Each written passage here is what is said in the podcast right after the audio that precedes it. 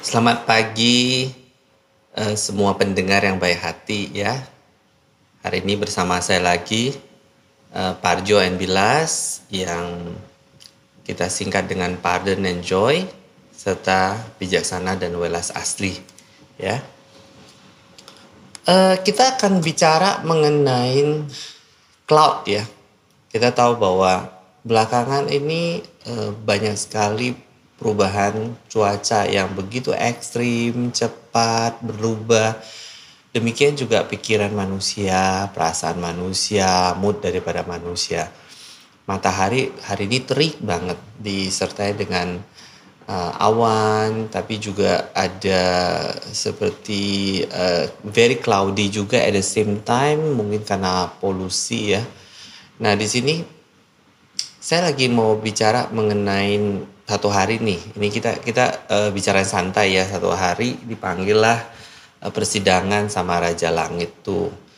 Raja Langit tanya kenapa tuh di dunia belakangan uh, sering terjadi perubahan itu? Kok tahu-tahu gelap gitu awan tahu-tahu tambah tebal gitu kan? Terus dipanggil lah uh, pertama tujuh bidadari dipanggil tuh tujuh bidadari ngapain aja? Biasanya bawa-bawa keranjang-keranjang yang isinya semua doa-doa daripada manusia.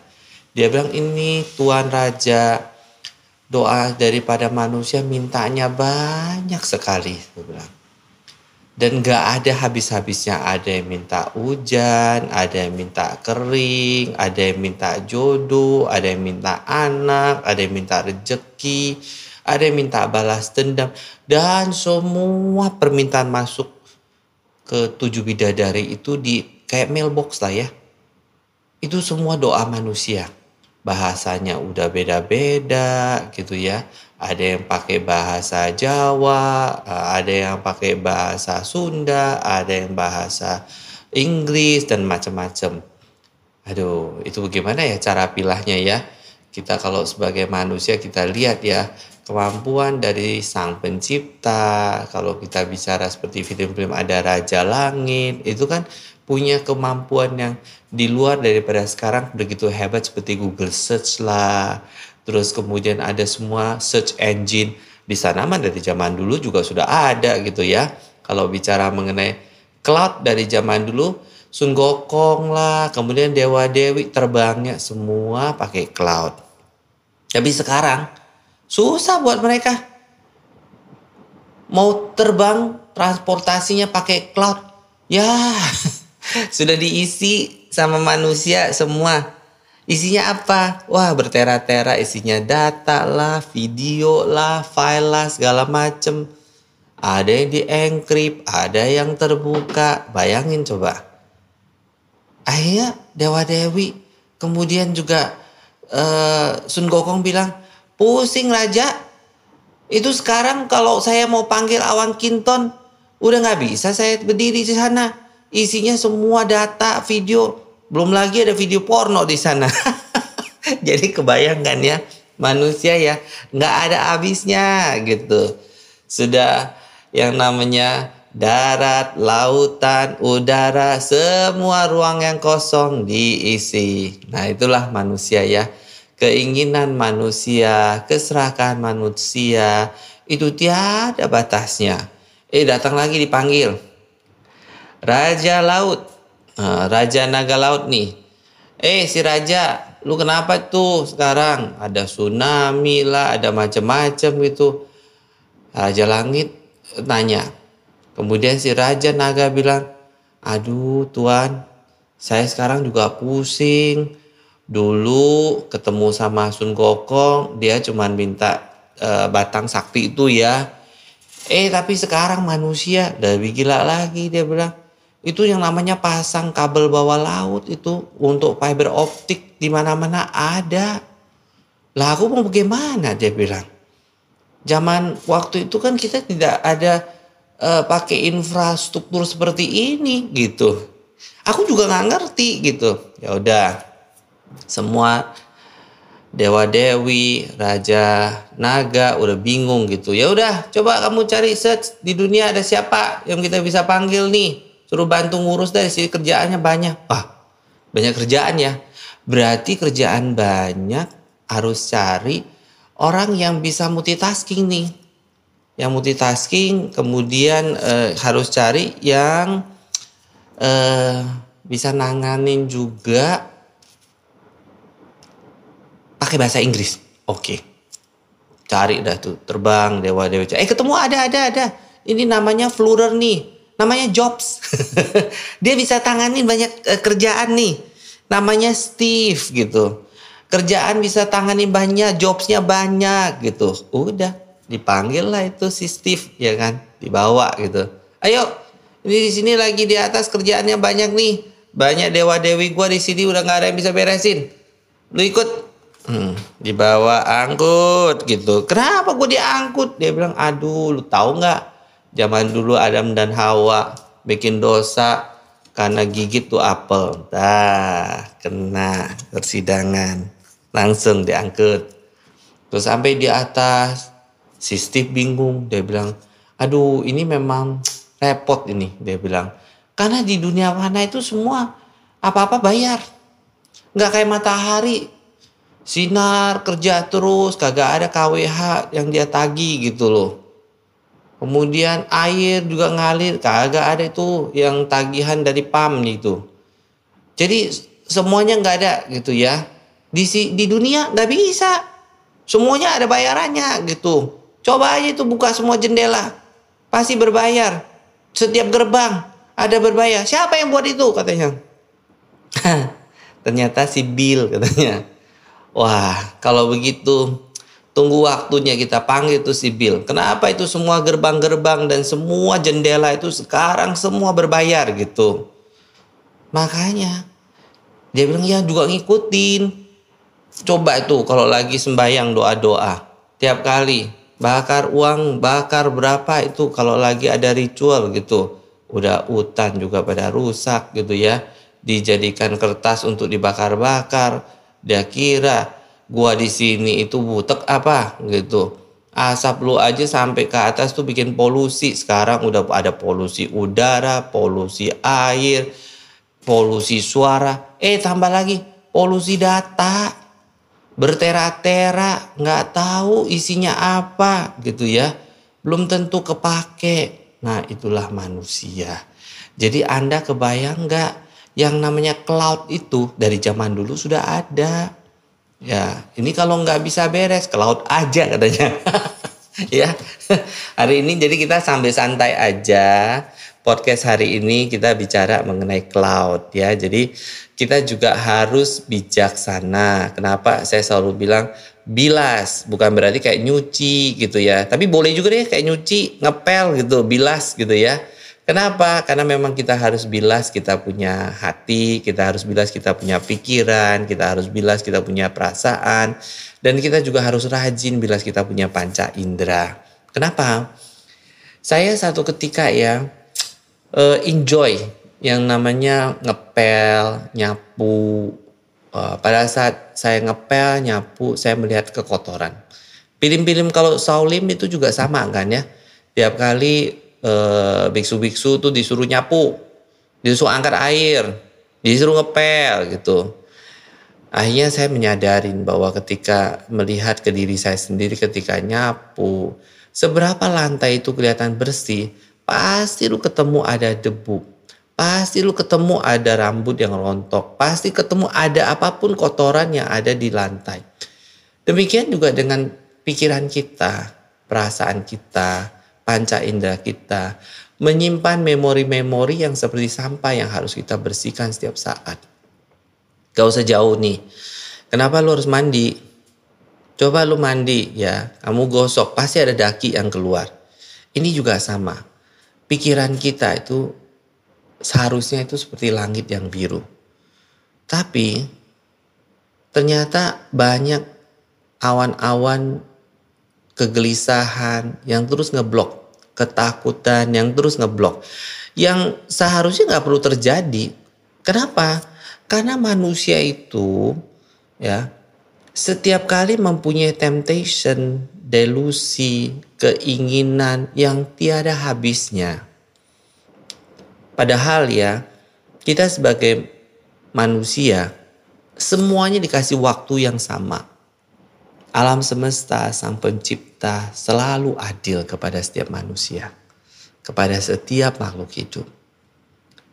Hal yang paling simpel nih, emang matahari milih-milih mau bersinar hanya buat orang yang cantik saja, yang jelek dia enggak. Atau yang baik saja, yang kurang baik enggak gitu. Atau yang putih aja yang hitam enggak. Enggak ada kan. Matahari bersinar buat seluruh makhluk hidup, buat semua siapa saja yang ada di dunia. Artinya Sang pencipta itu selalu adil, alam semesta itu selalu adil. Ini kayak bumi ini kasih injek milih-milih apa? Ya. Dia kan kagak ada milih. Lu semua boleh jalan, boleh berdiri. Tapi Anda kebayang gak? Manusia yang buat diskriminasi, yang buat perbedaan, yang buat label, yang buat pencitraan, semua itu dilakukan di dunia fana oleh manusia karena ada bisnisnya. Nah, dunia fana itu semua dibisnisin jadi duit. Tapi bisa hindar ya? Ya nggak bisa. Udah lahir ke dunia, terima aja kenyataan. Ya harus dihadapin dan dijalanin. Karena memang di sini adalah kampus kita belajar Belajarlah kita beradaptasi, belajarlah kita berkomitmen, belajarlah kita untuk jujur, belajarlah kita untuk bekerja sama, dan belajarlah kita untuk tanggung jawab. Jadi, manusia begitu lahir, mata pelajaran hidup itu tiada habisnya. Kadang ya, kamu ketemu tuh orang yang menyakitin, bagus karena dengan kamu belajar menghadapi orang yang bisa menyakitinmu, setelah lewat kamu akan lebih punya pengetahuan mengenai apa arti dari sakit itu. Kalau nggak ada sakit, nggak pernah makan cabai, mana tahu pedesnya. Ya, jadi hanya karena menghadapi yang tidak nyaman, tidak berarti hidup itu berakhir kan?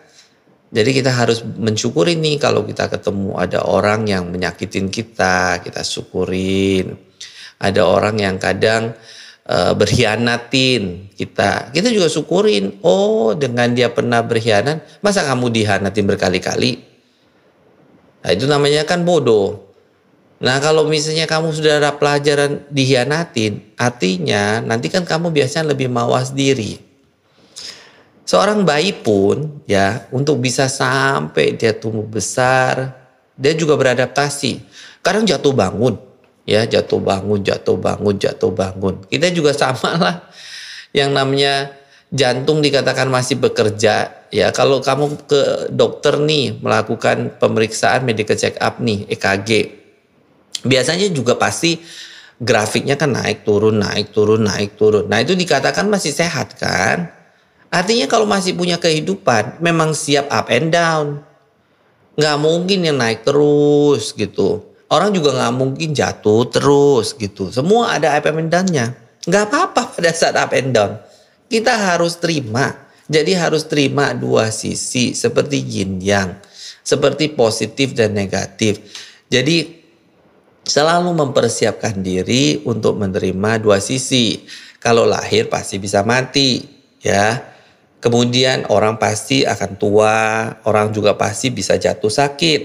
Karena itu setiap kali kita yang namanya bekerja segala macem ya harus ada simpenan. Harus bisa saving. Bukan seperti sekarang tuh semua promosinya buy now pay later, buy now pay later. Ya, kalau kamu terus namanya bye bye itu lama-lama kamu yang bye bye. Kalau bisa bayar.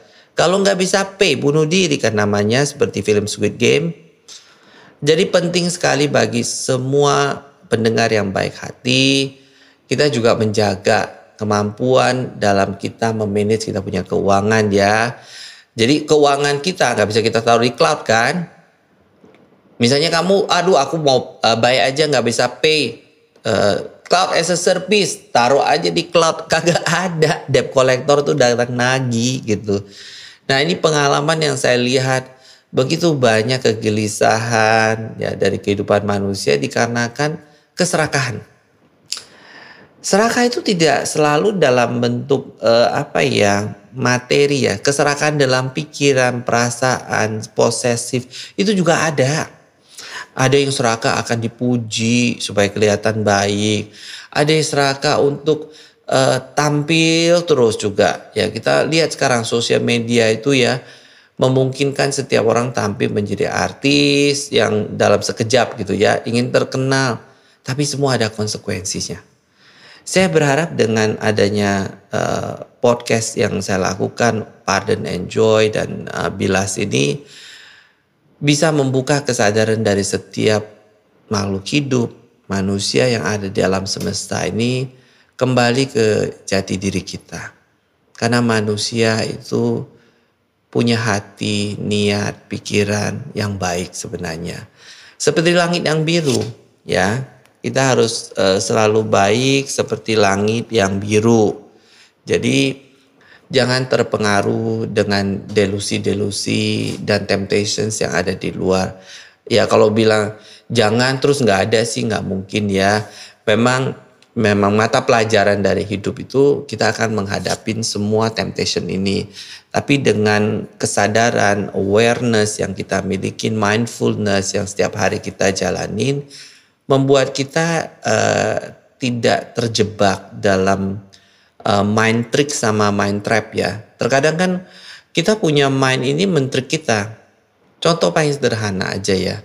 Saya lihat sekarang ketika uh, COVID 22 bulan ini uh, memberi cobaan buat semua manusia yang ada di negara ini, kita mem membuat manusia itu belajar beradaptasi, tapi at the same time tuh uh, gaya kerja berubah semua. Ada yang bilang mau WFH terus-terusan, ada yang mau WFA, bisa work from everywhere, bisa work from home. Terus udah mulai males untuk work from office. Terus tuntutan itu yang namanya balance of life gitu. Nah, kenapa yang dulunya bisa orang kerja ke kantor sekarang nggak bisa? Ini kan lucu ya. Kita dibilang malu sosial. Dulu seneng bisa ketemu. Sekarang dibilang malu sosial tapi harus social distancing. Ada distance. Jaga jarak gitu. Jadi memang lucu ya. Malu sosial disuruh bergaul tapi semua lewat virtual. Jadi kita mulai meeting Zoom terus gitu lama-lama jadi Jumbi. terus ada lagi pakai Teams, ada pakai macam-macam lah ya semua virtual. Jadi sekarang manusia menghadapi namanya nyalu, nyata-nyatanya halu gitu ya kayak virtual reality. Karena inginnya semua tampil di cyber. Semua ditampilkan virtual. Lama-lama semua manusia pakai hologram nih, ya. Tapi kita bayangkan kalau setiap orang tidak lagi berminat untuk datang ke kantor, ya semua office building kosong ya, bangkrut akhirnya. Terus nggak ada lagi yang datang-datang shopping ke mall, lihat mall bangkrut, toko-toko tutup, Mangga Dua tutup, pasar pagi tutup, dari semua. Jadi artinya memang eh, di situ kita belajar ya bahwa dalam dunia bisnis, dalam pekerjaan, orang harus selalu beradaptasi termasuk dunia bisnis. Tidak mampu beradaptasi dan inovasi, tewas gitu. Akhirnya sekarang ruko-ruko, kemudian eh, lebih banyak logistik lah ya jadi gudang-gudang ya karena semua belanjanya online pakai e-commerce gitu. Jadi ini eranya era E semua, exchange. Exchange-nya semua pakai elektronik. Tanda tangannya jadi e-signature. Kemudian dagangnya pakai e-commerce. Ngomongnya komunikasi pakai email. Terus pemerintah juga semua pakai e-procurement, e-government, e-KTP. Ini semua E, e-wallet lah gitu. Lama-lama kita tiap kali sampai dianya eh eh eh, eh, eh gitu semua ya. Jadi bingung sendiri gitu ya. Karena setelah semua terbuka exchange nah, ribut lagi mengenai data breach lah, mengenai kekhawatiran akan cyber mau pengamanan. Mana ada yang bisa diamanin semuanya. Dunia ini kalau udah bicara mengenai cyber, virtual, kayak hantu Susah untuk diamanin semuanya. Sama kita harus menerima ketika kita sudah punya badan ini nih. Nah, kayak infra ini. Raga kita kayak infra. Jadi begitu uh, kamu lahir punya badan ya udah siap aja lah terima bisa batuk bisa flu rambut bisa rontok eh, ini semua tidak ada yang kekal ya memang dunia IT ini information teknologi kan ya tapi information technology harus diikutin oleh manusia yang mempunyai ID juga. Integrity. Kalau nggak punya integrity gimana bisa trustworthy?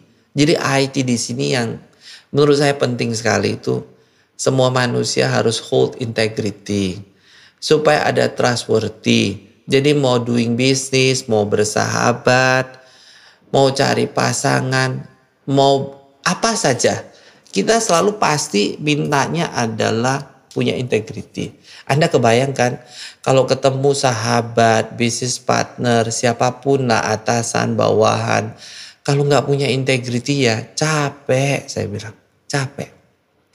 Akhirnya nggak ada trust. Sana sini semua pakai gate, semua pakai security tool, semua uangnya habis untuk hal-hal yang sifatnya untuk pengamanan. Padahal tidak ada yang namanya bisa amanin kita selain dari dalam diri sendiri. Rasa aman itu harus tercipta dari dalam diri sendiri. Memang punya semua tools untuk ngamanin. Tapi kita juga tidak bisa terhindar dari namanya sakit, tua, dan mati. Sistem juga pasti bisa aja ada suatu saatnya inakurat lah, bisa down lah, bisa ada hack lah, segala macam. Ya hacking itu juga kaya sama tiba-tiba kita kena batuk, flu lah, virus lah. Ya ini juga sama. Sebenarnya sudah ada kehidupan sudah contoh dengan nyata-nyata. Jadi kembali lagi dah ya. Pardon and joy. Kita akan menemukan kebahagiaan ketika kita mampu memaafkan. Dengan ada maaf dari diri kita. When you able to forgive, then you get the joy. Makanya forgive and forget. You cannot give. You if you don't give, you don't get. Jadi kita bayangkan ya, kata-kata yang dibuat aja sering memberikan arti yang sangat dalam. Jadi bijaksana itu wisdom bilas dan welas asih itu bisa Anda dapatkan dari alam semesta, dari kehidupan sehari-hari, bahkan dari sebuah pohon ya. Pohon Anda bayangkan gak tuh pohon. Ketika saya meditasi, duduk memandang pohon, makin dalam, makin dalam, saya makin mensyukuri dan mengerti. Saat saya berdialog nih, ditanya, anakku, mana di antara makhluk hidup yang menurut kamu paling mulia? Setelah merenung dalam, saya jawab, Oh alam semesta yang baik, pohonlah yang paling mulia di antara semua makhluk hidup. Mengapa? Dia tanya anakku. Karena pohon telah memberikan dia punya kehidupan bagi makhluk lain. Anda bayangkan ya, Pohon itu memberikan oksigen kepada seluruh makhluk hidup dan menyerap karbon monoksida CO2 buat makhluk hidup. Yang baik dia kasih, yang buruk dia serap dan dia telan. Terus dia menahan dan menyimpan itu air. Kemudian dia berikan dia punya raga menjadi bangku, meja, jendela, fondasi rumah, dan segala macam kebutuhan yang diperlukan oleh seluruh makhluk hidup untuk berlindung dan makan. Itu datangnya dari pohon, dari tumbuh-tumbuhan. Baik itu hewan maupun manusia.